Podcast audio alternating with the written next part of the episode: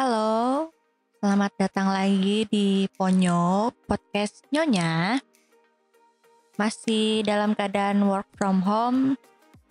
Waktu ngerekam podcast ini masih hari Selasa tanggal 21 April 2020. Tapi kayaknya sekarang gue nggak mau bahas soal yang berhubungan sama corona-coronaan lagi deh. Kayaknya udah pusing banget ngomongin bahas-bahas corona. Mendingan kita bahas yang lain aja. Uh, kayak gue mau bahas soal film. Coba deh. Uh, kira-kira apa hal pertama yang terlintas di pikiran lo ketika lo mendengar kata Bollywood? Atau yang biasanya lo mungkin familiar dengan sebutan film India? Paling jawabannya lama banget durasinya bikin ngantuk nontonin orang joget-joget doang mengapain ih film pembokat ya gak sih? Ada gak sih dari kalian yang memiliki opini kayak gitu? Oke di podcast kali ini gue bakalan nyebut film Bollywood aja ya karena rasa lebih sesuai aja sama penamaannya ada Hollywood ada Bollywood. Sebenarnya sih gue itu juga salah satu orang yang awalnya underestimate sama film Bollywood. Ya kira-kira responnya sama yang kayak gue sebutin tadi dan pertama kali gue nonton film Bollywood itu direkomendin sama suami gue. Dan respon pertama gue itu dioga banget cuma film orang joget-jogetan doang ditonton. Tapi ternyata gue salah banget dong. Untuk film pertama yang dikenalin ke gue itu benar-benar mematahkan opini gue sendiri. Dan film pertama yang gue tonton itu tuh Drishyam Drishyam yang menyelamatkan gue dari jalan yang salah. Drishyam Delta Romeo India Sierra Hotel Yankee Alpha Mama. Itu tuh film Bollywood yang pertama kali gue tonton. E, ceritanya itu soal bapak yang mau ngelindungin anak perempuannya yang diancam karena dicurigain bertanggung jawab atas menghilangnya anak laki-laki dari seorang komandan polisi kalau kalian penasaran cerita kayak apa, silahkan nonton sendiri. First impression gue dari film ini tuh eh, nggak uh, ada nyanyian apalagi orang joget-joget. Kayak stigma yang biasa kita tahu dari film India kebanyakan. Ya tapi emang dasarnya gue orangnya double aja kali ya. Ya gue masih aja gitu underestimate ini film dengan mikir masa iya sih Bollywood tuh bisa bikin film apalagi genrenya thriller sebagus Hollywood gitu. Tapi lagi-lagi setelah gue selesai nonton gue tuh yang kayak wow. Ternyata Bollywood tuh bisa bikin film yang kualitasnya tuh setara sama Hollywood. Mulai dari acting pemain alur cerita ada plot twist segala itu tuh keren banget ya sebagai pecinta genre thriller, Drishyam ini udah memenuhi kriteria film thriller favorit gue sih. Dan semenjak saat itu telah gue jadi ketagihan nonton film Bollywood. Lewat film Drishyam tuh seakan membuka mata gue kalau film Bollywood itu ya bukan cuma cerita cinta-cintaan yang kalau ada adegan nangis hujan pasti turun. Atau kalau lagi jatuh cinta semua orang yang lewat ikutan joget sama pemeran utamanya dan durasi film Bollywood yang panjang menurut gue nggak berasa sih kalau filmnya bagus. Mungkin menurut gue memulai mengenal film Bollywood dengan nonton Drishyam itu tuh langkah yang tepat sih buat kalian mungkin yang memang belum pernah nonton film Bollywood sama sekali dan pengen nyoba nonton film Bollywood untuk pertama kalinya dan nggak pengen uh, ngelihat ada adegan joget-joget atau nyanyi-nyanyi ya film Drishyam itu tepat banget sih buat lu tonton dan film ini tuh ya mematahkan stigma kalau film Bollywood itu kebanyakan joget-joget sama cinta-cintaan. Bahkan sekarang gue bisa nerima sih beberapa film Bollywood yang masih ada adegan nyanyi sama joget-jogetnya tuh ya nggak masalah tapi dengan catatan masih dengan rating yang bagus ya. Kalau masih ratingnya bagus ya masih oke okay lah. Sebenarnya lagu-lagu di film Bollywood itu juga nggak senorai itu sih menurut gue ada di beberapa film yang malahan gue suka sama lagunya. Contohnya itu kayak di film Secret Superstar. Emang itu filmnya ceritanya soal anak anak perempuan yang nggak dibolehin nyanyi karena ya lo tau lah stigma mau jadi penyanyi tuh nanti gede lo mau makan apa gitu-gitu. Dan beberapa lagu-lagu yang diciptain sama ini anak nih lagunya bagus-bagus. Atau Like Stars on Earth juga bagus Three Idiots juga bagus. Dan yang lo tahu dari ketiga film itu yang main tuh hmm, aktor India favorit gue Amir Khan. Karena dia aktingnya bagus banget. Dan dia tuh bisa bisa acting jadi apa aja. Bisa jadi bapak-bapak badannya gendut.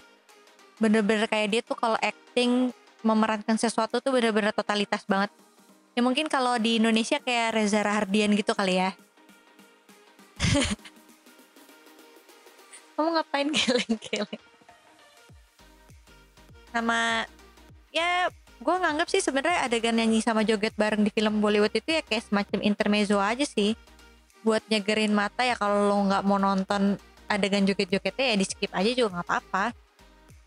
Karena memang mostly film India itu ya durasinya panjang banget bisa 2 sampai 3 jam tapi ada juga di beberapa film yang adegan nyanyi-nyanyi sama joget-jogetnya itu ya memang sambil menjelaskan suatu peristiwa secara singkat gitu biar tuh film nggak makin lama. Karena udah sering nonton film Bollywood dengan durasi yang sepanjang itu ya menurut gue itu jadi hal yang biasa sih. Nggak berasa lama sih malah kalau misalnya kayak filmnya bagus ceritanya enak gitu apalagi banyak plot twistnya ya nggak berasa aja tahu-tahu udah habis gitu filmnya. Dan sangat disayangkan aja ya kalau misalnya film Bollywood itu di underestimate karena menurut gue kualitas film yang dihasilkan tuh ya nggak kalah bagus sama Hollywood. Yang film kalau film Bollywood yang ceritanya menyentuh juga bisa bikin gue nangis. Kalau film thriller juga bisa bikin gue deg-degan dan penasaran. Kalau film soal family relationship juga bisa pesannya tuh nyampe gitu menyentuh juga. Menurut gue dari segi ide cerita yang disajikan dalam film-film Bollywood itu lebih berani.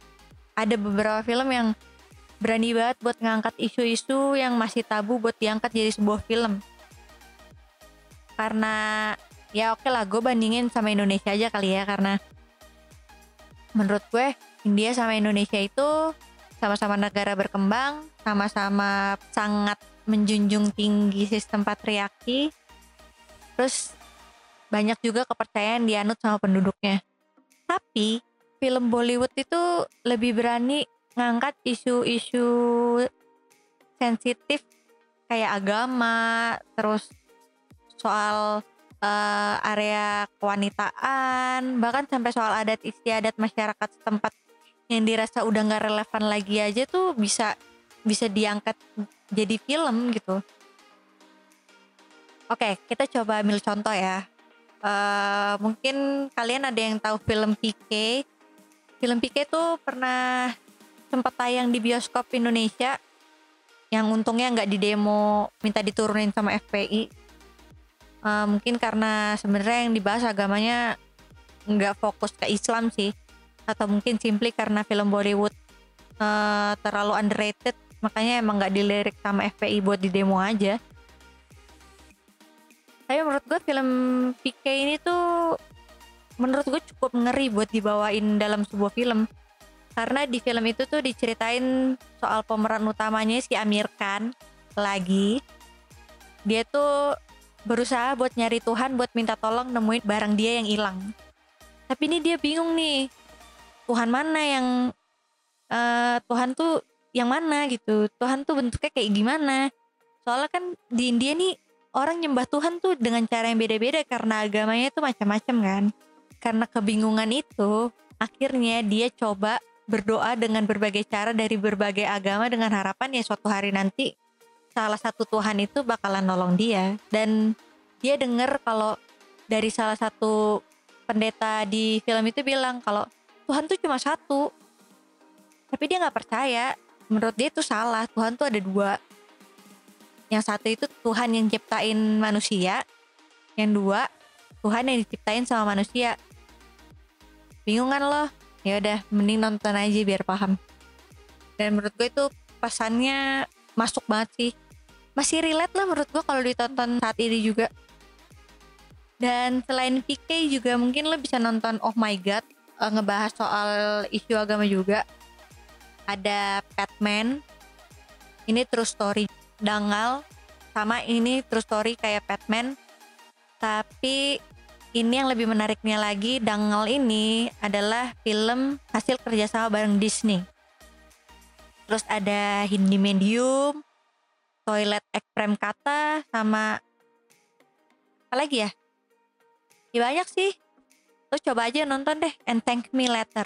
Mungkin kalau lo nggak agak susah uh, buat ngebrowsing judul filmnya mungkin nanti gue bakalan tulis di description box biar lo bisa tahu tulisannya yang benernya kayak gimana.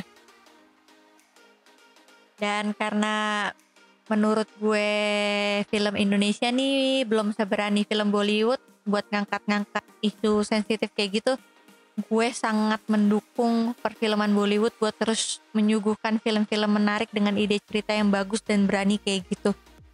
Dan semoga sih ya gue harap perfilman Indonesia juga bisa berani bikin film kayak Bollywood buat ngangkat isu-isu sensitif yang relate sama kehidupan di sekitar kita. Banyak loh sebenarnya di Indonesia juga kalau mau diangkat, cuma mungkin ya belum berani aja kali. Oke, mungkin segitu aja podcast kali ini.